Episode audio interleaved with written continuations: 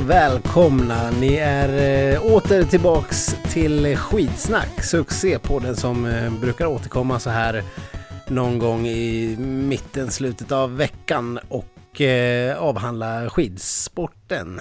Och eh, det är jag, Stenqvist, och med oss har jag återigen eh, Sköld någonstans där ute i etern. Är du med oss? Jag är med. Och eh, den här gången befinner vi oss ju inte så himla långt ifrån varandra. Vi är bara lite lata, så vi, vi är på olika sidor av Stockholm denna gång. Det stämmer. Det stämmer bra. Eh, och jag tycker ändå att eh, vad jag hört hittills så låter det som att det, ljudet är ganska okej okay och, och vi kommer kunna hålla en ganska eh, bra och tight poddande fast vi är på eh, olika platser, känns det som. Ja, absolut. Det eh, tvivlar jag inte en sekund på. Nej, vad bra. Hur är läget med dig? Eh, jo, men det, det är bra. Eh, det är, jag råkade köra igång en diskmaskin här precis. Det var ju lite orutinerat, så om ni hör något skrammel så är det därför. Ja, men men eh, annars så, så är det eh, toppklass. Toppklass. Har du hämtat dig från eh, Tour de Ski-helgen? Ja, eh, nästan. Det har ju tagit några dagar att smälta det här. Men ja. eh, jag börjar väl komma tillbaka på fötterna, känner jag. Eller Tour de Stina som du har lite fyndigt döpt det till. Här. Ja, men det får väl ändå ses som Stinas Tour det här. Det är väl vad vi kommer att minnas mest. Eller eh, ja, kanske det enda vi kommer minnas av den här touren. Ja, i alla fall vi på den här västra sidan ryska gränsen får man väl säga. Att det, att det är Stina, Stinas bravader som sticker ut. Eh, skulle man eh, eh, vara lite mer av en eh, eh russo, russofob, på att säga, det är ju tvärtom. Men en, skulle man... Eh, russofil. Russofil, då skulle man ju eh, kanske prata om en annan än just Stina Nilsson, som vi gör. Är, är russofil ett begrepp? Jag vet Kan man inte. säga så? Det kan vara Nej. så att vi har eh, hittat på det. Precis, men, eh, men eh, hur som helst. Det kan, det kan väl även vara någon så som gillar såna små hästar? ja, ja, visst. Gotlands russar och, och alla ja. möjliga olika russar som det finns. Ja, precis. Eh, nej, men eh, kremlolog då, kan man säga sånt? Jag vet inte nu. Jag drar bara saker ur, ur hatten. Jag har ingen aning om något. Men eh, hur som. Så gjorde ju även Ustjugov ett ganska bra Tour de Ski. Men det är ju fortfarande för oss mycket roligare att prata om Stina såklart. Det var ju en ja. makalös uppvisning och hon vann fyra av eh, sju etapper som jag antar att de flesta som lyssnar på den här podden känner till vid det här laget. Ja, och det måste väl eh, vara historiskt, eller hur? Jaha, på... Eh, ja, med tanke på att han vann... Från svenskt håll. Ja, på damsidan och åt svenskt håll... Nej, just det. Björgen hade ju faktiskt vunnit fem etapper på damsidan vid ett tillfälle. Eh, och så hon har ju varit lite värre än vad Stina var på, på den måten. Men det får man väl ändå eh, tycka är ganska okej. Okay, för Stina är ju fortfarande i alldeles i början av sin karriär, vilket är ganska stört att ens eh, eh, komma underfund med. Jag menar Marit Björgen, hon var ju inte som bäst förrän hon var flera år äldre än vad Stina är nu. Hon, hon, hon var ju till och med en, en, en, rent av en dussinlirare tidigare. Ja, det känns ju konstigt att benämna henne som dussinlirare. Ja, men, men innan, hon, eh, innan ja. Eh, när hon var i samma ålder som Stina, kanske inte dussinlirare, men ja. liksom inte alls på den här sjuka nivån som Stina Nilsson verkar vara på. Hon var lite av Norges Jenny Öberg, är det det du säger? ja, ja. Uh, ja, då skulle man ju i så fall tro att Jenny Öberg har, har möjligheten att bli en nästa Marit Björgen. Det tror jag ju tyvärr inte riktigt, eh, även om jag absolut skulle unna Jenny Öberg detta. Men eh, nej, jag vet inte om jag skulle bedöma tidigare Marit Björgen som eh, nuvarande Jenny Öberg. Men eh, ja, nej. Eh, Stinas nivå är ju helt sjuk. Det, har vi, det pratade vi om senaste podden, men det går ju inte att prata om nog mycket på något vis. Nej, så är det ju. Men eh, dock, när man eh, var inne i touren här så kände man ju bara, eller jag kände ju någon form av naiv tro på att det här kommer kunna gå hela vägen. Fast jag innerst inne visste att det är ju bara en liten mikroskopisk eh, möjlighet att hon ska kunna ta den här sista eh, klättringen och det gjorde hon ju inte. Men trodde eh. du, visste du det innerst inne verkligen? För att jag, vi satt ju och mässade här och ja, vi sågs ju på lördagen och sen mässade vi på söndag morgon och, och jag, jag försökte ju ändå ta ner dig på jorden där med dina, med dina förhoppningar. Men du var, ju, du var ju ute i en annan galax i princip när jag jag, jag hade ju aldrig någon förhoppning om att Stina skulle vinna på något sätt. Eller förhoppning kan man ju ha, men... Eller ja, nej. Ibland är det bara dumt att ha en förhoppning för att... Eh... Ja, men ibland vill man så mycket att det börjar bli en sanning i huvudet. Ja, det kan jag ju förstå förstås. Alla vill ju ja. att Stina skulle vinna. Eller ja, alla ska jag inte säga. Det vore ju också en lögn. Men eh, eh alla i skidsnacksduon vill i alla fall det. ja, hundra procent. Ja, men eh, det var ju ändå aldrig riktigt något snack om, om vem som skulle ta hem det. Weng var ju, var ju, och har ju historiskt varit eh, resor bättre på att klättra. Hon hade väl förra året varit över fyra minuter snabbare bara på den här sista etappen. Eh, så det mm. var ju, det hade ju krävts någon form av mirakel för att eh, för att eh, Stina skulle haft en chans. Och jag menar, man kan ju inte riktigt valla bort sig när man ska upp för, upp för den här alpen, al, alptoppen heller. För att jag menar, man saxar ju bara hela vägen i princip. Ja, men då direkt efter det här då, när min eh, naiva tro hade svängt om, då blev jag istället eh, bara uppgiven och dyster och tänkte att ja, då kom, det här är ju liksom det bästa som det kommer att kunna gå. Hon kommer ju aldrig att kunna vinna det här. Nej, men så ska man väl inte tänka? Ska man? Hon... Ja, men hur ska det gå till? Ja, men hon förbättrar ju sin egen insats i klättringen med, ja, bara den blev ju typ två minuter bättre från förra året. Varför skulle hon inte kunna ja. skära ner på det ännu mer? Fast det, det finns ju det här med fysiologi också. Ja, Stina men det där... är ju en jätte och eh, Heidi Weng är tre äpplen hög. Jo, men det har de ju pratat mycket om. Men hur liten är Marit Björgen då? Hon är ju gigantisk också. Kanske inte liksom så att hon väger jättemycket, men hon är ju stor och stark och större än Weng. Mycket större ja. än Weng. Hon har vunnit, men... vad är det, tre torer? Ja, Nej, vi får hoppas på en dopingavstängning på Weng då nästa säsong. det, var inte, det, var inte, det var inte alls det som jag pratade om. Utan jag menar bara att herregud, om Stina är nästa Marit Björgen då ska hon väl kunna vara lika överlägsen som Marit Björgen också i, i, en, i någon form av drömvärld. Och även i framtiden kunna ta hem segern i Tour de Ski. Tänker jag lite grann. Ja, ja, ja, men det är fint att du är positiv. Jag försöker balansera ut min personlighet här så att jag väger upp naiviteten med eh, mm. dystopi här. Ja, nej, men jag förstår det. det det är, det är väl fint att du vill ha någon form av inre balans där. Men eh, nu tycker jag du blir lite negativ i underkant. Och, eh, trots, man kan säga vad man vill om Weng, men att hoppas på att hon åker dit för doping är väl... det kanske är lite elakt i överkant. Kan man säga. Men, men det pratade vi också om eh, direkt efteråt. Att eh, av alla som skulle vinna så är ju Weng ändå någonstans eh, ens eh, minsta favorit eftersom hon är så extremt osympatisk, Heidi Weng. Ja, eller osympatisk vet jag inte om hon är, men hon är ju... Eh, hon, är, hon är inget charmtroll direkt. Nej, det, men vadå? Någon, det, det, är någon... det, är väl, det är väl själva definitionen av osympatisk att inte vara ett skärmtroll i princip. Jag menar för hon är ju, hon är ju tvärtom mot att vara ett skärmtroll. Hon är ju hon är ganska sur i intervjuer och hon är ganska missundsam rent generellt och hon är ganska arrogant. Eh, och allt det här sammanfaller ju med att hon är osympatisk om, om man skulle sammanfatta hennes eh, personlighet på något sätt, tycker jag i alla fall. Och hon, ja, nej man gillar ju inte henne helt enkelt. Det är, rent instinktivt så gillar man henne inte. Eller jag gillar henne inte.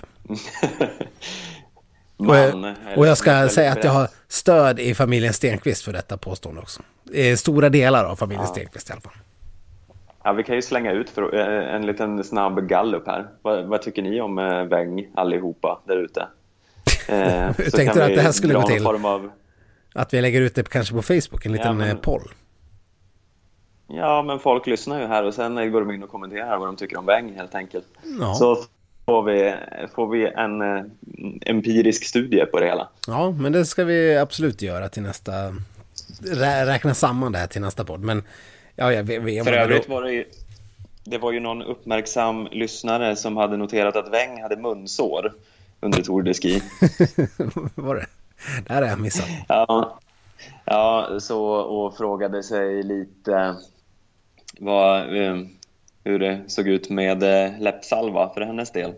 Mm. Eh, det, ja, vi får väl hoppas att hon inte handlade på Johaugs apotek i alla fall. Nej, nej, verkligen. Även om jag nyss sa att jag hoppades det, men det var ju såklart inte allvar. nej, det säger du nu. Nej, du, det, är inte mycket, det är inte mycket samman... Eh, du, du, ja, vad ska man säga? Du, you don't make sense hela tiden här idag, Stefan. Men eh, det är ju också i mitten av arbetsveckan och man, man kan ju vara lite trött i huvudet. Men eh, om vi ska återgå till Tour de Ski lite grann och eh, ja men dra någon liten sådär allmän eh, känslosammanfattning. För det är ändå eh, känslor som det här handlar om. Vad, vad tar du med dig från eh, Tour de Ski 2017, 2016, 2017? Jag tar med mig att det var den mest öppna mest oförutsägbara Tour de Ski eh, hittills. Mm.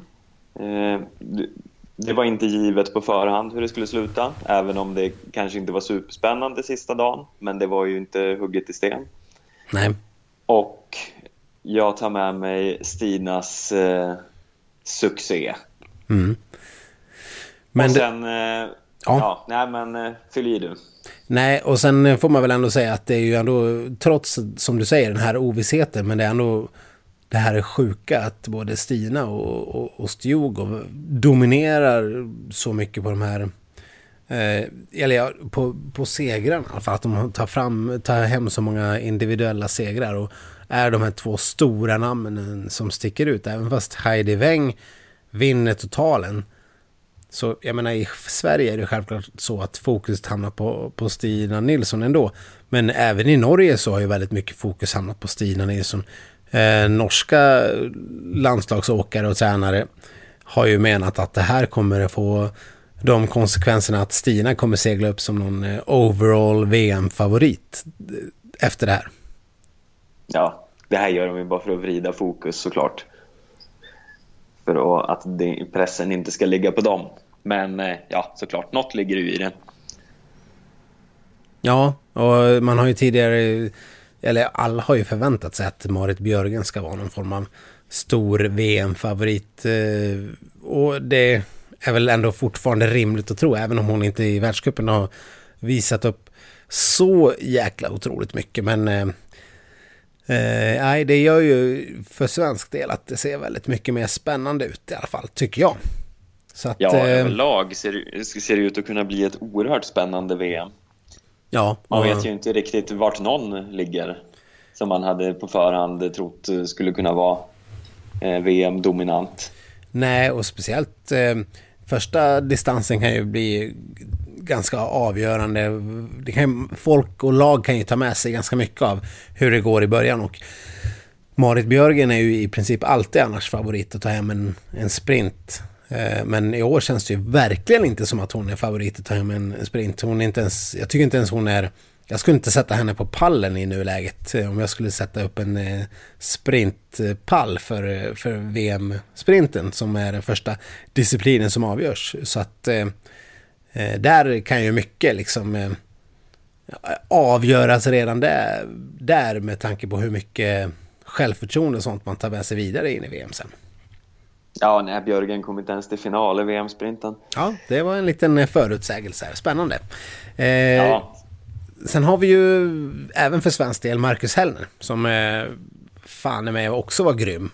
Fast man inte riktigt såg någon sån här supertopp. Men ändå så känns det som att Hellner brukar inte ha så mycket supertoppar under säsongen. Utan han brukar ju komma till mästerskapen och leverera där. Mm. Ja, nej, men det känns som man har en sista växel att lägga i när det väl gäller. Så vi får hoppas att den är kvar till Lahti då. Ja, Det känns väl ändå så. Förra, år, förra säsongen så kom han ju starkt på slutet när det var den här Kanada-touren där han var eh, jättebra. Eh, och nu är det ju VM ändå som är det här stora säsongsmålet. Och, och han, han blev ju liksom lite bättre och bättre vad, allt efter vad touren led. Så att eh, hellre att ta ett par medaljer och vara uppe och nosa på någon sån här skiathlon-guld. Det känns ju inte helt orimligt. Nej, det är nog eh, eh, i högsta grad möjligt. Mm. Alltså det var och sen, ju... eh, om man ska se där bakom också, så det, det ser ju ser ju ändå ut som att vi har ju i och för sig sagt att vi ska sluta prata om Kalla i den här podden. Men eh, hon, eh, hon växte ju ändå lite mot slutet i touren. Ja. Och, eh, det, det finns, finns ju någon form av litet hopp där. Ja, ja, ja jag, jag vet inte vad jag ska säga. Gör det det? Det kanske gör. Hon tjurade ju till sig till slut och, och blev, eh, blev lite bra bara av bara farten. Speciellt där i det där loppet när norskorna vallade bort sig fullständigt. Så var ju Kalla väldigt bra med och på pallen. Eh, men ja, jag har så svårt att se vilka distanser hon ska lyckas fullt ut. Eh, jag menar hon är ju regerande världsmästare i, i eh, vad blir det, 10 kilometer då förstås. Där kan hon ju alltid ha en bra chans, men annars, jag vet fan. Det, men det är svårt att säga. Och fan, det känns ju också som att det här säsongen är lite mer öppen än vanligt med tanke på att Johaug är borta och Björgen inte är i slag. Och alla norskor kan ju ha mer eller mindre eh, bra och dåliga dagar. Och jag menar, tar man bort Johaug och Björgen så är det ju bara Falla och Weng och Östberg. Ja, det är bara. Det är ju, de är ju hur många som helst. Det är ju helt sjukt. De, har ju, de skulle kunna ta topp tre på varenda lopp egentligen. Men samtidigt så känns det som att bredden har varit så mycket större den här säsongen jämfört med hur det har sett ut tidigare. Ja, på här sidan är det ju helt plötsligt någon form av... Eh, eh, ja, det ser demokratiskt ut uppe i toppen. Det är ju ja. någon från varje land som är med och krigar. Ja. Eh, det, det, det, kommer bli ett jävligt sjukt kul eh, VM i alla fall. Och det, men det är ju jävligt långt borta. Det är inte först... VM drar igång 22 februari tror jag. Så att eh, vi har ju hundra, hundratals poddar kvar att prata om innan, innan det är dags för VM. Ja, så vi kanske ska ta upp det viktigaste som hände i Tour de Ski. Ja, vad var det? Egentligen. Ja, vi, vi har ju nämnt eh, slagsmålshotet mellan eh, Hellner och Stjugov. Men det verkar ju finnas någon form av liten, eh, lite kalla kriget mellan Weng och Östberg också. Ja, det är ju riktigt spännande. Vi, vi var väl inne och touchade lite på det ämnet senaste podden också. Eh, men eh, de, eh, de hade ju fler fallouts efter det, vilket är alltid gött att se. Ja, Weng eh, bröt ju ihop eh, efter något av loppen och tyckte att hon inte hade hjälpt Österberg tillräckligt mycket ja. eh, och dra. Och då hade ju Östberg kontrat med att bara, ja, nej, men vad gråter hon för? Hon hjälpte inte till, hon kunde ha hjälpt istället. Mm. Typ något sånt. Jag minns inte ordagrant, men det var väl kontentan av det hela. Ja, men det var något och så brukar ju de, de ju inte riktigt uh, yttra sig. De är ju så timida och uh, vågar inte skylla på någon någonsin. Nej, och som ett brev på posten så var ju norska skidförbundet ut där och försökte damage controlla lite grann. ja. ja, det dök upp någon eh, frejdig liten Instagram-video när eh, de eh, skrattar och skojar med varandra, Weng och Östberg. Och det kändes som eh, att den var inspelad förra året, att det bara var allmän krishantering. Ja, du kändes inte hjärtligt och äkta eller? Ja, det kanske var på den tiden när de var vänner och inte nu när de är bittra fiender och hatar varandra. det är bra att du ändå försöker trigga igång någon form av hatstämning i norska laget. Det, det uppskattar man ju storligen förstås. Ja, men tro, tror du att de är vänner? Tror du att de tycker om varandra? Nej, då hade ju inte Östberg sagt sådär. Det är som du sa, hon, hon, hon kom ju med någon syrlig kommentar där om att ja, men då, det drabbade inte henne, hon kunde, hon kunde ha hjälpt till istället och sådär. Och var ju extremt bitter, Östberg. Och, och jag menar, det är bara att kolla på Östberg så inser man att hon är ju inte en, hon är inte en bitter person. Hon är ju kanske den minst bittra personen som har stått på ett par skidor. I alla fall på hur hon ser ut och verkar. Ehm, mm. Så då var ju den där kommentaren lite mer förvånande. Än mer förvånande. Ja. Det, det, det skedde igenom, hon kunde inte hålla igen och sen efteråt så gick hon tillbaka till sitt eh, vanliga glada jag. Ja, men precis. Däremot den här hemska Weng hade ju lätt kunnat komma med en sån kommentar. ja, du gillar verkligen inte Weng du. Nej, nu kommer det fram här. Men eh, nu, nu, ja. nu kommer ju ändå Weng vara någon form av eh, huvudmotståndare för svenskt vidkommande under resten av den här säsongen ändå. Så då kan man väl lika gärna börja psykkriget redan här på samma sätt som Ustjugov börja psykkriget mot eh, Hellner och, och andra. Ja, men om jag så bara ska spekulera lite, vem är Österbergs bästa vän? I, eh, i hela världen eller i norska landslaget eller i, i världscupen? Ja, alltså, jag, räknar inte med att du ska kunna hennes umgängeskrets Nej. utan och innan. Utan eh, jag tänker mig såklart att hon har en BFF i norska landslaget. Ja, men det är ju lite svårt. Jag tycker det är ju... Ja, men... Äh, nej, Falla känns inte riktigt som att de skulle vara BFFs. Och, och, och sen eh, börjar det ju ta slut på profiler. Jag menar, den här Haschen vet man inte så jäkla mycket om. Och, uh, Ja, ja men Johaug hon kanske egentligen skulle vara BFFs. Egentligen. Det, det, men nu är inte Johaug kvar längre. Så jag, jag har svårt att säga vem, vem som har axlat den manteln i landslaget just nu. Har du någon eh, fundering? Eh, nej, men jag, jag bara liksom får lite instinktivt att hon och eh, Ragnhild Haga är eh, en mm. dynamisk duo. Ja, ja, men det kan jag ju se framför mig.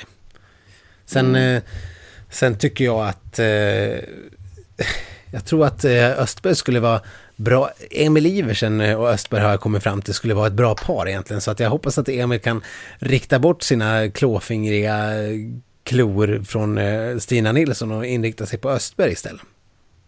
Ja, för övrigt måste det vara kul för Emil Iversen att sitta och kolla på finaletappen i Tour de Ski när hans ex går om hans nuvarande flickvän och vinner. Det måste ju kännas lite konstigt. Nu är det så här att Stina Nilsson återigen har dementerat att de är ett kärlekspar. så att, eh, jag läste det senast i Expressen för någon dag sedan här efter att de hade intervjuat henne vid hemkomst till Sverige. Så att det där är, eh, det där är bara snack. hon, hon, var, hon riktade till och med lite, eh, en liten kritik mot Petter Northug. Där, han, eh, där hon menar att det här han sa om kyssen att de hade suttit på en gondol och kyssts eller vad det nu var. Att det hade varit lite över gränsen, det gillade hon inte riktigt. Så att, eh, och sen sa hon att nej, så vi är inte ett par. Mm.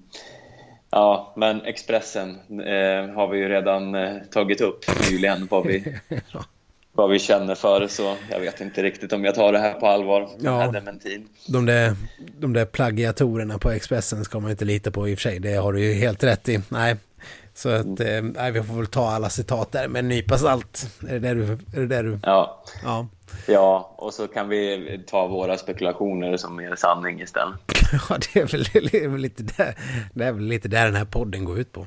Vi ja. spekulerar tillräckligt mycket till att vi har fått sanningen fram någonstans i alla fall. Mm. Ja, nej, men om vi ska knyta ihop den här Tour de Ski-säcken, har du något övrigt du har tänkt på som eh, som var anmärkningsvärt under touren? Nej, nej, det var som du säger att det var en väldigt underhållande tour eh, den här gången och eh, eh, väldigt spännande. Fast det är så här mästerskapssäsong och, och det var ju såklart mycket den här Stina-effekten som, eh, som gjorde det. Det hade ju varit jäkligt spännande att se Kalle Halvarsson också för att han har ju lite av de här egenskaperna som, som liknar de som Ostjugov har. Att man han är väldigt bra på sprint och, och, och på massstarter och sånt. Så att eh, det hade varit kul att se honom. Han hade nog inte haft någonting med tät, eh, den absoluta toppen att göra. Men han hade ju absolut kunnat kanske tagit en pallplats någonstans där. Så att det var lite synd att han inte kunde vara med. Men nej, underhållande och rolig tour i alla fall. Så att jag ser redan fram emot nästa år. Ja, det ska bli kul. Om vi ska vända blicken lite bort från tävlandet och eh, titta till eh, vår gamle vän Therese Johaug så har det ju hänt lite saker där idag. Eh, eh, dopinggate också. Eller hänt så mycket har det väl kanske inte gjort, men det har, hennes läkare har gått ut och försökt förklara lite saker i alla fall. Och det har väl gått så där kan jag känna. Ja, det var ju några veckor sedan vi pratade om doping här i skitsnack så att det är väl hög tid att vi, att vi lyfter det här ämnet igen. Det är inte som att man någonsin... Ja, det är bara att ni vänjer er. Det kommer, kommer vara någon gång vartannat avsnitt i alla fall. Mm. Så. Nej, men absolut. Det, men det är som du säger. Han, eh, han lämnade ju en del förklaringar varav... Eh, ja, det, allt verkar inte riktigt... Allt verkar inte riktigt stämma helt hundraprocentigt eh, mot... Eller, allt verkar inte vara så jäkla rimligt. Du kan väl dra en liten recap? Ja, nej men så här är det då. Eh, enligt eh, norska VG så har eh, Bendiksen eh, uppgett tre huvudförklaringar till det här misstaget, då, som det kallas. Mm. Det första ska vara att han, eh, han själv eh, var och vilade med några personliga problem i samband med någon sjukdom i familjen och var tvungen att lämna Livigno där mm. han ska ha köpt den här salvan till Johaug eh, och åkt tillbaka till sin familj i Norge. Hur det har med något att göra förstår jag inte riktigt. Nej. Förutom, vadå, ska han ha varit uppstressad och råkat köpa någon konstig salva som eh, han egentligen visste var dopingklassad? Ja. Det är så man ska tolka det. Ja, nej. Eh, sen eh, den andra förklaringen är att skador på en annan åkare i landslaget, eh, min lokala pizzabagare här, Hans-Christer Holund, han ska Han slog sin axel ur led vid ett fall tidigare och skickades till sjukhus och då var han tvungen att lägga fokus på honom. Mm. Vilket också är en jättekonstig förklaring för det är väl är man landslagsläkare så dealar man väl lite eh, här och där med allas problem. Man borde kunna hålla åtminstone två av sina patienter i luften samtidigt på något vis, tycker jag också. Ja. För att eh, det vore ju ganska att... kast att ha en landslagsläkare som inte kan eh, ge vård till mer än en person samtidigt. För då skulle man ju behöva, ja, 15 landslagsläkare i ett landslag. Det, det, var, det, var lite, det, det låter lite dyrt kan man tycka. Uh, sen, uh, och det, det, var, det var ju inte som att Holund hade fått ett spett rakt genom hjärtat och Benediktsen var den enda läkaren i världen som var specialiserad på spett genom hjärtat. Och var tvungen att skickas för att operera honom akut. Vore ju för övrigt en, eh, en, eh, man, man, skulle nog ha en ganska dålig procent om man bara behandlade patienter som har fått spett genom hjärtat också. Jag känner att man, man jobbar lite grann i uppförsbacke redan, redan på själva sjukdomsstadiet. Och, hur man får patienterna friska. Så att eh, nej, om man ska välja någon inriktning så spett genom hjärta eh, inriktningen är väl kanske en av de minst lockande jag kan tänka mig om jag skulle bli läkare i alla fall. Eh, ja, men... fast tänk man är jävligt bra på det. Ja. Fatta vilken superstar man skulle bli. Ja, ja visst. Och alla, alla vampyrer i världen skulle jubla. Om det fanns. Alltså en riktigt duktig spett genom hjärtat-läkare. Men eh, för övrigt undrar jag hur Hans eh, Holund eh, klarade av att... För jag menar pizzabagare brukar ju slunga upp pizzorna och, och mycket snurrande och sånt. Hur klarar man det med en axel ur led? Ja, det, det är ju ytterligare ett, ett bevis för att det faktiskt inte var han som stod här om, om man har tvivlat lite ändå.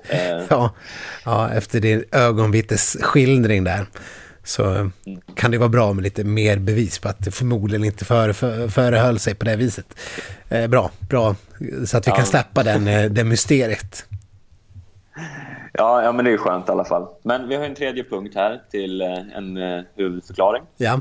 Det ska vara att det eh, var en eh, presskonferens schemalagd eh, dagen efter att Johaug började den här läppbehandlingen. Mm. Eh, då Eh, läkaren skulle hålla en föreläsning för pressen om rutinerna i Norge kring användning av astmamedicin, eh, bland annat eh, i Sundbys fall. Just det. Och då, ja, att han ska hålla en presskonferens dagen efter. Ja, nej, det... Är det en förklaring? Det är ju det som gör inget... Om, om man ska se det här som ett kriminalfall och eh, hur man... Hur en indiciekedja ska få någon till exempel fälld för ett brott. Så den här indiciekedjan kan inte jag se som att det skulle tillsammans bilda några extremt förmildrande omständigheter som skulle göra att, att eh, den här läkaren eh, Ben Dixon eh, skulle frias i sammanhanget utan eh, det är ju bara, det är ju bara liksom vanliga omständigheter som han, han kan ju lika gärna säga att han eh, att han sov lite dåligt för att hotellets eh, eh madrass var lite bucklig kan han säga som en, eh, en ytterligare omständighet och sen att Eh, eh äggröran var lite sladdrig till frukosten. Det är en ytterligare en omständighet som gjorde att det gick åt skogen. Ja, sen ja, att han... han hade ju kunnat gått med i den här äggröror på hotellgruppen på Facebook som du är med i. ja, ja, precis. Han hade kunnat sett om det var bra äggröra redan från början och sluppit den olägenheten. Ja, nej men precis. Och sen kanske skosnöret gick av när han skulle knyta det på morgonen. Ja, ytterligare en omständighet som gjorde att han inte Eh, det är ju det är den nivån av förklaringar till det här misstaget kan jag känna lite grann. Ja, alltså det, det, här är ju inga förklaringar. Och sen utöver detta så har det ju sen kommit fram att eh, han inte ens ska ha handlat den här salvan i Livigno. Eh, för det har norska TV2 har hittat ett kvitto Eh, på den här salvan eh, på något sätt. Jag vet inte riktigt eh, vart det kommer ifrån. Men eh, då det ska visat sig att den här salvan är inköpt i eh, Seiser Alm. Mm. Och där... då blir det hela också helt jävla knäppt. Ja, det där är ju också en omständighet som det har skrivits om ganska mycket i Norge, även som svenska medier har rapporterat. Det är ju dock lite eh, märkligt. Den här TV2-profilen, Ernst Lersven, Lersven, mm. som, eh, som ska ha lyft den här frågan om kvittot som han ska ha kommit över på något vis är ju lite fundersamt för att det här kvittot som han har sagt sig kommit över kan ju inte han koppla varken till Johaug eller till den här läkaren eller till någon i landslaget egentligen. Så att det är ganska tveksamt hur han drar den där kopplingen och när jag tror det var VG som hade pratat med honom så hade inte han kunnat gett någon förklaring riktigt heller utan det här var något som han hade pratat med Doping Norge om så själva omständigheterna kring vad det är för bevis som egentligen ligger bakom mer än att det är någon form av kvitto är ju väldigt, eh, det är väldigt löst i kanterna eh, på, på den eh, saken. Eh, så jag vet inte om vi ska, man ska spekulera så mycket i det. Man kan se däremot en liten eh, kuriosa att den här TV2-profilen Ernst Lersven är även sedan tidigare lite i schism med, med norska skidlandslaget. Till exempel Martin Jonsrud Sundby har ju tidigare bojkottat eh, den här Ernst. Eh, ja. Vägrat svara på frågor på, när han har varit på presskonferenser. Eller inte väl haft några frågor från honom överhuvudtaget. För att han har, han har varit ganska kritisk till eh, speciellt den här astmaskandalen. Och eh, det kan man ju i och för sig ha sina funderingar kring. Det är väl bra att man är kritisk, men det gillade inte Sundby till exempel. Så att han, han har gått i clinch med den här och vägrat svara på frågor som sagt. Så att, eh, ja. Han har varit lite blåsvärd tidigare, eh, Lersven. Men eh, den här kvitto-frågan eh, vill man ju lite grann mer få reda på vad fan det är. Eh, vad det här kvittot, vad det finns för kopplingar till, till någon i Norge. Ja, man kan ju åtminstone slå fast att det, det uppstår bara fler och fler frågetecken än vad det uppstår klarhet i det här fallet. Ja, men precis. För att eh, jag tror att vad man var inne på då var väl att det egentligen var själva verket skulle vara Johag själv som hade köpt salvan och inte alls den här läkaren. Eh, mm. Och är det så så skulle hennes straff bli mycket grövre. Eh, eller, ja. straffet skulle bli grövre och ja, och, och, och visar det sig att det skulle vara så sen till slut, då har ju, då har ju den här soppan tagit en helt alldeles extraordinär vändning. Då alla har ljugit och han har offrats. Och, alltså läkaren ja, skulle ha offrats. Ja, men då, Då, är, då, är, då, är då snackar vi ju. Ja, men då är hon ju körd. För det, då har hon ju suttit där och ljugit alla rätt upp i ansiktet. Då är ju anseendet förlorat för evigt. Mm. Så, mm. ja. Ja, nej det, det återstår väl att... Det återstår väl att se hur den där soppan mynnar ut. Men Johaug verkar ju inte vara jätte... Hon verkar vara på ganska gott humör ändå, Stefan. Eller vad, vad säger du om eh, dina intryck av henne? Hur hon tar sig förbi den här episoden i sitt liv? Ja, men det här är nästan det konstigaste av allt, tycker jag. Att eh, Johaug verkar ju... Eh, eller jag, jag köper ju inte hennes extremt goa, hurtiga attityd på Instagram. Nej. För hon, hon lägger upp en, en massa konstiga flumbilder där hon uttrycker sin glädje över eh, det stöd hon får och hur hon ska utvecklas och se fram emot eh, ett, en fin framtid och hej och hå. Mm. Det är som att hon ska flytta till någon form av kloster i Tibet och sitta och mässa eh, och studera yoga och hålla på. Mm. Absolut. Eh, hon, hon skrev så här bland annat för någon vecka sedan. Tackar alla som stått vid min sida i medgång och motgång i året som gick. Se fram emot 2017 och nya möjligheter. Eh, nu ska jag heja på skijäntorna i Tour de Ski. Eh, bla, bla, bla. Nya möjligheter. Hon står ju inför ett eventuellt eh, långt avstängningsstraff. Eh, det är klart att hon inte springer runt och ser fram emot nya möjligheter. Hon vill ju bara komma ur den här soppan. Kan man ju tycka. Det låter lite grann som att hon skulle ha blivit frälst.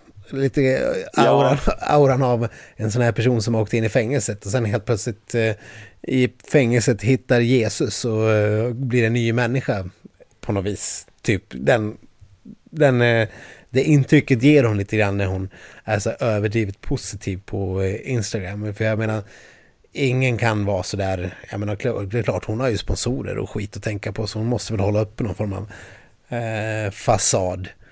Men eh, det där, jag tror inte att det är så många som köper det egentligen. Eller kan en norsk, hon är ju norska i och för sig, kan de vara så där överdrivet glada och positiva? Är det möjligt? Nej, det, det, det är omöjligt. Det är en falsk fasad. Ja, antingen det eller så har hon hittat Jesus. Det, det finns väl också den möjligheten. ja, ja, det där eh, kommer vi kanske aldrig få svaret på. Men eh, det ska bli spännande att se när, när de här förhören ska äga rum i slutet av januari. här. Det, det, det ska bli mycket spännande. Hon ger ju lite av ett frikyrkligt intryck. Det har hon ju alltid gjort, Johan. Hon är, det, nu när jag tänker efter faktiskt. Så att, eh, ja, nej, det är kanske inte omöjligt ändå att hon har, att hon har att hon har hittat något större syfte i livet och därför kan släppa sådana här jordliga saker eh, bakom för sig. Bakom sig? Whatever, men ja. ja, eh, nej, men eh, ja, jag vet inte. Vi, vi, vi låter det eh, konkludera det här ämnet tror jag. Det låter klokt. Om jag säger eh, Chardin Sloof, vad säger du då? Eh, ja, det låter lite som en... Eh, ja, amerikansk eh, bobsleigh-åkare. Jag vet inte riktigt varför ja. det låter så, men sloof låter som att det är något som sluff. Det skulle gå väldigt fort på något vis. Ja. I, I, ett tubliknande föremål. Ja, men det är ju ungefär så det var. Så det är ju inte helt eh, långt alltså, ifrån sanningen. Det var, jag, ja. jag prickade hyfsat rätt alltså. Ja, skönt. Ja. Nej, men jag, jag äh, äh, följde ju äh, damernas skidskyttetävlingar här från Oberhof i helgen. Mm. Och, hade nickat till lite, för jag, ja, det, det, var, jag var lite trött helt enkelt. Mm. Sen vaknade jag till och helt plötsligt så skriker kommentatorn upp Åh, Sloof! Går mot en eh, supersuccé, bästa resultatet någonsin. Chardin Sloof. Bara, eh, jaha. Eh, ja. Och då visade det sig att det var en svensk superstjärna. Alltså, ja. Mm. Ja. ja jag, har ju, jag har ju i efterhand eh, uppfattat namnet också som, som någon form av svenskt nytt stjärnskott. Eller vad ska vi kalla henne? Svenskt-holländskt stjärnskott. Ja, eh, hon är då svensk-holländska. Hon har tävlat för Holland fram tills eh, eh för någon säsong sedan. Mm. Men hon har bott i Sverige sedan hon var sex år. Mm. Och eh, eh ja, tävlat i Sverige och så. Men har behållit sitt eh, holländska medborgarskap. Mm. Fram tills nu då, när hon har tänkt att hon får för lite stöd i den holländska skidskyttekulturen. Och det kan man ju förstå, för det, i Holland åker man ju bara såna här skridskor runt, eh, runt på en bana. Det är väl den enda sport de håller på med. ja, jo. Alltså skridskor helt enkelt. Ja, men det, det, den heter någonting. Nej, det heter skridskor. Du tänker på short track, men det är ju inte sånt som holländarna sysslar med. Holländarna åker ju vanlig skridskor. Ja, det, det, heter helt enkelt bara skridskor. Ja, jag, tror, jag tror det heter skridskor. jag, jag, tror det. Ja, jo, men det är ju en gammal svensk paradgren. Thomas Gustafsson och allt du vet. Skridskor. Ja. Men hur som helst, man hör inte talas om så mycket holländska skidskyttar. Nej, det, de, ja, de har bara skridskor och eh, ja, lite fotboll då kanske. Ja, men Chardin Sloof i alla fall. Hon eh, slog ju till och blev 10, 14 och 15 i de här loppen som var i helgen. Och det ja. är ju helt sensationellt, ja. man väl säga. Men det är liksom importernas eh, sport det här. Om vi inte hämtar Insane Torstein från Norge så är det Sloofs från eh, ja. Nederländerna som gäller. Det säger bara Sloof. Det, det, det, sa bara Sloof. Så var hon där. Eh, ja, nej men det var väl fint. Jag såg någon intervju med henne. Hon hon pratar ju ändå typ svenska fast det låter lite lustigt. Och det, men du sa att hon var typ uppväxt i Sverige ändå? Eh, jag, jag har inte researchat det här helt, men hon ska ha bott i Torsby sedan hon var sex år, så då borde man väl rimligtvis prata hyfsat svenska. sen man var sex, ja, ja, det tycker man väl ändå någonstans att, att man borde ja. ha lärt sig hantera språket hyfsat. Men, eh, ja. hon, hon har ju även en bror som heter Lucien Sloof. Ja. Eh, han verkar inte vara riktigt lika prominent än, men han eh, blev i alla fall bästa värmlänning i svenska skidskyttepremiären i Östersund. Menar, han var 36 menar, sekunder efter Jesper Nelin på någon distans. Du menar bästa värmlänning slash eh, holländare? Ja, det, det, kan man väl kanske ta för givet. Ja. Mm. Jag vet inte, eh, det är klart att eh, Värmland borde ändå vara en eh, stormakt annars i svensk skidskytte världen när de har sitt skidgymnasium där i Torsby och grejer. Men ja, nej, det var ju starkt av honom i alla fall. Vad sa du att han hette? Lucien? Ja. Ja, nej, men... Spännande in... namn ändå. Jag, jag, jag känner att jag älskar de här två bara på grund av namnet. Sloof, systrarna, eller vad säger jag, syskonen Sloof. Ja, ja jag, jag håller med dig helt och hållet. Jag hoppas att han också kämpar sig in i landslaget en, en vacker dag snart och, och kan bidra till succén. Annars så satt jag faktiskt och såg en stafett här precis när eh, Sverige lyckades bli sexa. Eh, på, ja. eh, efter att faktiskt Fredrik Lindström inte riktigt eh, gjort lika bra som man hade kunnat hoppats. För då hade vi haft en chans på pallen om han hade gjort ett kanonlopp som siste man. Men det gjorde han inte. Det var de här Jesper Nelin och Sebastian Samuelsson och grabbarna som överraskade och såg till att vi var med i täten nästan hela vägen fram. Eh, sen eh, fick väl Lindström mer eller mindre bara kriga sig i mål som sexa. Så att, eh, men det var ändå eh, kul att se ett herrlandslag vara så pass eh, med i matchen efter den här dråpliga senaste stafetten när de lyckas bli diskade för att de inte hade märkt upp skidorna ordentligt eller något annat extremt eh, amatörmässigt misstag. Ja, det lät ju lite klantigt. Ja, vad fan. Eh. Inte, inte lyckas märka skidorna ordentligt före start. Det är, att sånt får hända på en världscup stafett har man ju lite svårt att förstå. Mm. Men annars så nu har ju eh, Sverige den bästa bredden av alla eh, nationer inom skidskyttet. ja, eh, eller hur? Det fick, det fick vi höra från experthåll i SVT. Ja, det, men det var eh. inte Magdalena Forsberg som hävde ur sig något sånt fåraktigt uttalande. Eller? Nej det, det, var inte, nej, det var inte Magdalena. Det var, nu har jag tappat namnet på. Ola Brännholm. Eh, ja. Eh, och vi, han, vi, ska väl inte titulera honom expert. Han är väl någon form av eh, inkastad kommentator i, i Christer Ulf Båges eh, sorgesamma frånvaro. Ja, eh, ja, så är det ju såklart. Men eh, ja, det var väl kanske inte så, så ordagrant, men ungefär så att eh, ja, nej, men det finns inga andra länder som har lika bra bredd som Sverige. Det saknas bara den här stabila topp 10-åkaren. Eh, men det, det, kan vi bara säga att det är ju inte sant. nej, det är inte riktigt sant. Det roliga var väl att han sa det i ett lopp där där Kukalova vann och en annan tjeckiska kom trea i den tävlingen. Så att de har liksom tagit första och tredje platsen men, men inget lag har sån bredd som Sverige det är väldigt lustigt sagt. Men ja, eh, men det ja. är härlig patriotism där som man eh, ändå kan eh, vara Ja, nej, det får man ju avundas lite grann. Men du hade något annat litet instick när vi ändå pratar skidskytte. Ja, alltså det, om man bortser från svenska intressen var det mest spännande på förhand att eh, Darja Domracheva gjorde sin comeback efter barnafödandet. Mm.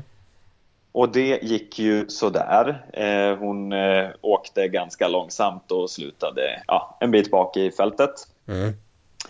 Eh, men då kom jag ju att tänka på det. Vi har ju pratat så extremt mycket om eh, Jörgen Björgen, eh, det vill säga Marits avkom. Ja, avkomst, sa du så? Avkomma. Avkomst, det lät, det lät lite som något som hon hade något som hon hade tryckt ut sig på toaletten.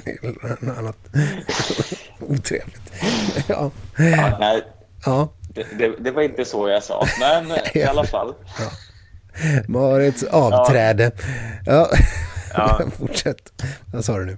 Ja, nej men eh, ja, nu jag hamnar lite off track här. Ja, men hur som helst. Vi har ju inte alls pratat särskilt mycket om den eh, kanske största sportbabyn som är född här nyligen. Det är ju, vi har väl nämnt att den är, är född, men inte så mycket om den. Det är ju då lilla Senja Björndalen eh, som är dotter till Domracheva och eh, Ola Björndalen. Senja? Mm. Hittar du på det här? Nej, det, det är så hon heter. Vadå Senja? Hur stavar hon det? Eh, X-E-N-I-A. Senja? Precis. Ja. ja. Ja, så kan man ju heta. Det låter lite hon som hon Sina Warrior Princess. Ja. Stavar hon inte också som... med X? Jo, det gör hon. Det är, det är så man brukar stava det här namnet. Det, jag tänker ju på den här Bondskurken i Goldeneye. Eh, okay. Som, eh, som eh, håller på och härjar runt med massa eh, vapen i djungeln. Och, mm -hmm. men du minns hon är danskan som spelar henne? jag kan inte säga att jag minns det jätteväl. Jag, jag är inte en Bond-fantast som du är, Stefan. Eh, jag kommer ihåg att eh, hon... Eh, hon ehm, eh, vad heter hon? Hon är... Desperate Housewives var väl med i, i Goldeneye, var hon inte?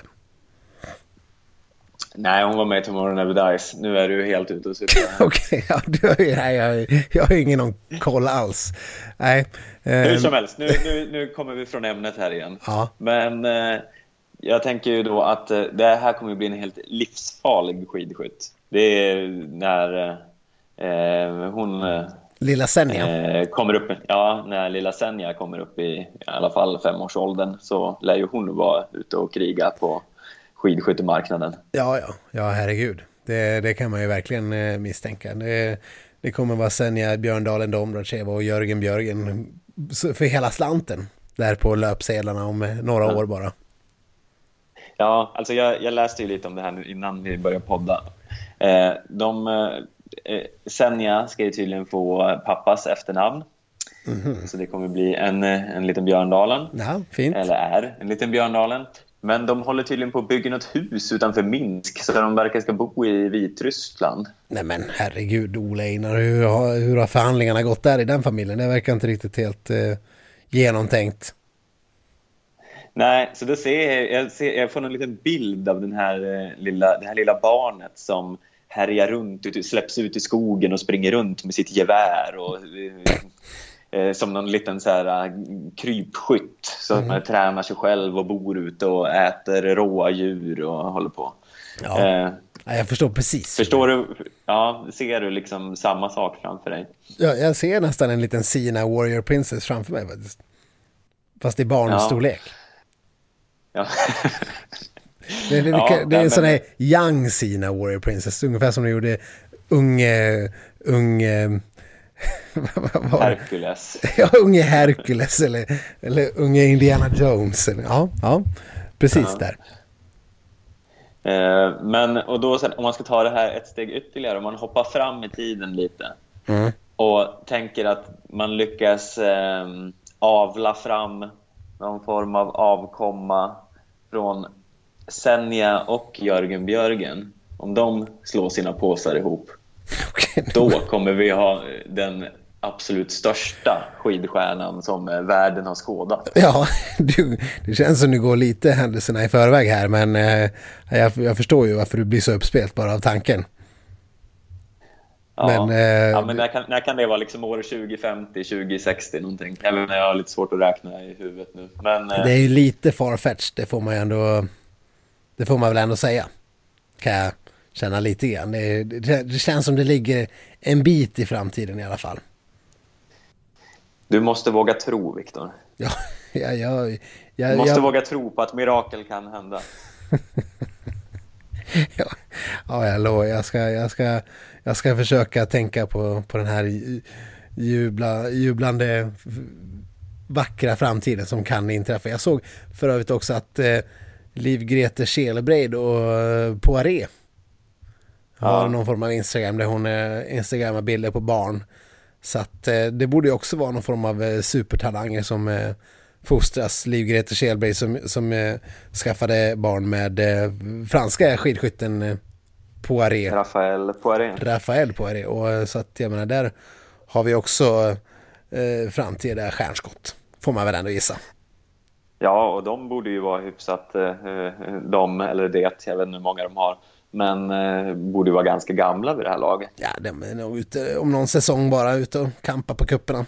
Det, ja. Fan, nu får ju Anna och Emil ta avla ur sig något jävla kärleksbarn här så vi har något från svenskt håll och så komma med. Jag menar, Hinken och Magdalenas barn har vi inte hört någonting om. Har de ens skaffat några barn? Vad fan? Och Julia Svan är ju bara en stor besvikelse. Det får man väl ändå, ändå säga. Och jag, ja. För övrigt så har ju Gunde och hans eh, eh, Marie, de har ju en annan, ett annat barn, en son också. Men han, han verkar ägna sig åt någon karriär i motorsåg. Vad jag har sett på Instagram. jävligt random sport att hålla på med kan jag tycka. Eh, fel, fel använda gener på något vis och ge, ge sig på en motorsågskarriär. Alltså, alltså inte att han är ute och, och eh, sågar träd utan att han på riktigt tävlar i motorsåg. Ja det, ja, det låter ju helt galet. Ja, nej, det är, Men, och, och, fel. Och ett slöseri med, med, så, med så fina eh, rasbiologiska förutsättningar som man ändå kunde tycka att han skulle ha. Ja, ja, eller rasbiolog. Ja. ja nu ska vi inte snöa in på det, men eh, jag tycker att eh, svenska potentiella underbarnen har eh, lyst med sin frånvaro. Ja, Ekholmsbabyn har vi inte hört ett dugg om heller. Nej, Nej det, finns, det finns gott om material för för framtida hopp i alla fall. Ja, jag vet ja. inte om vi ska kanske eh, låta det vara sista ordet i dagens eh, eh, skidsnackspodd och ta med oss den, eh, de framtidsvisionerna av eh, framtida svenska talanger lite grann, eller vad säger du? Ja, det kanske är så. Jag tror det. Eh, vi har ju ett eh, Noah Hoffman-lag att sätta ihop inför den här eh, bedömt svårtippade helgen i Toblach som väntar med sprint och sprintstafett. Så att vi, vi måste ägna oss åt eh, det nu. Eh, och vi, men vi kommer väl tillbaka med ett nytt skidsnack redan eh, nästa vecka, Stefan? Ja, det får man väl hoppas och tro eh, och eh, förutsätta. Ja, eh. verkligen. Eh, så att det är bara att ni som vanligt surfar in på Facebook, Instagram och alla möjliga typer av sociala medier. Eller ja, inte alla möjliga typer, det är bara de. Det, det är där. och Twitter ja. möjligtvis, där ni kan hitta oss. andra utsvävningar har vi inte gett oss in på än i alla fall. Så att vi får väl se om det blir någon skidsnacks-snap i framtiden. Man, man vet aldrig. Det... det... finns en, men den är inte så aktiv. Ja, det finns en till och med. Det här har inte ens informerat mig om det, tycker jag, under all kritik. Ja, ja. Strunt samma. Till dess så... Vill du säga något mer? Avslutande ord. Ja, jag vill bara påminna om att ni ska tycka till om, eh, Heidi Weng, som vi uppmanade om tidigare. Ja. Era känslor och tankar kring henne så vi kan genomföra våran eh, stora studie. Absolut. Bra påmint, Stefan. Eh, men tills dess så säger vi väl tack så väldigt mycket för att ni har lyssnat denna vecka och så på återhörande. Vi hörs nästa vecka.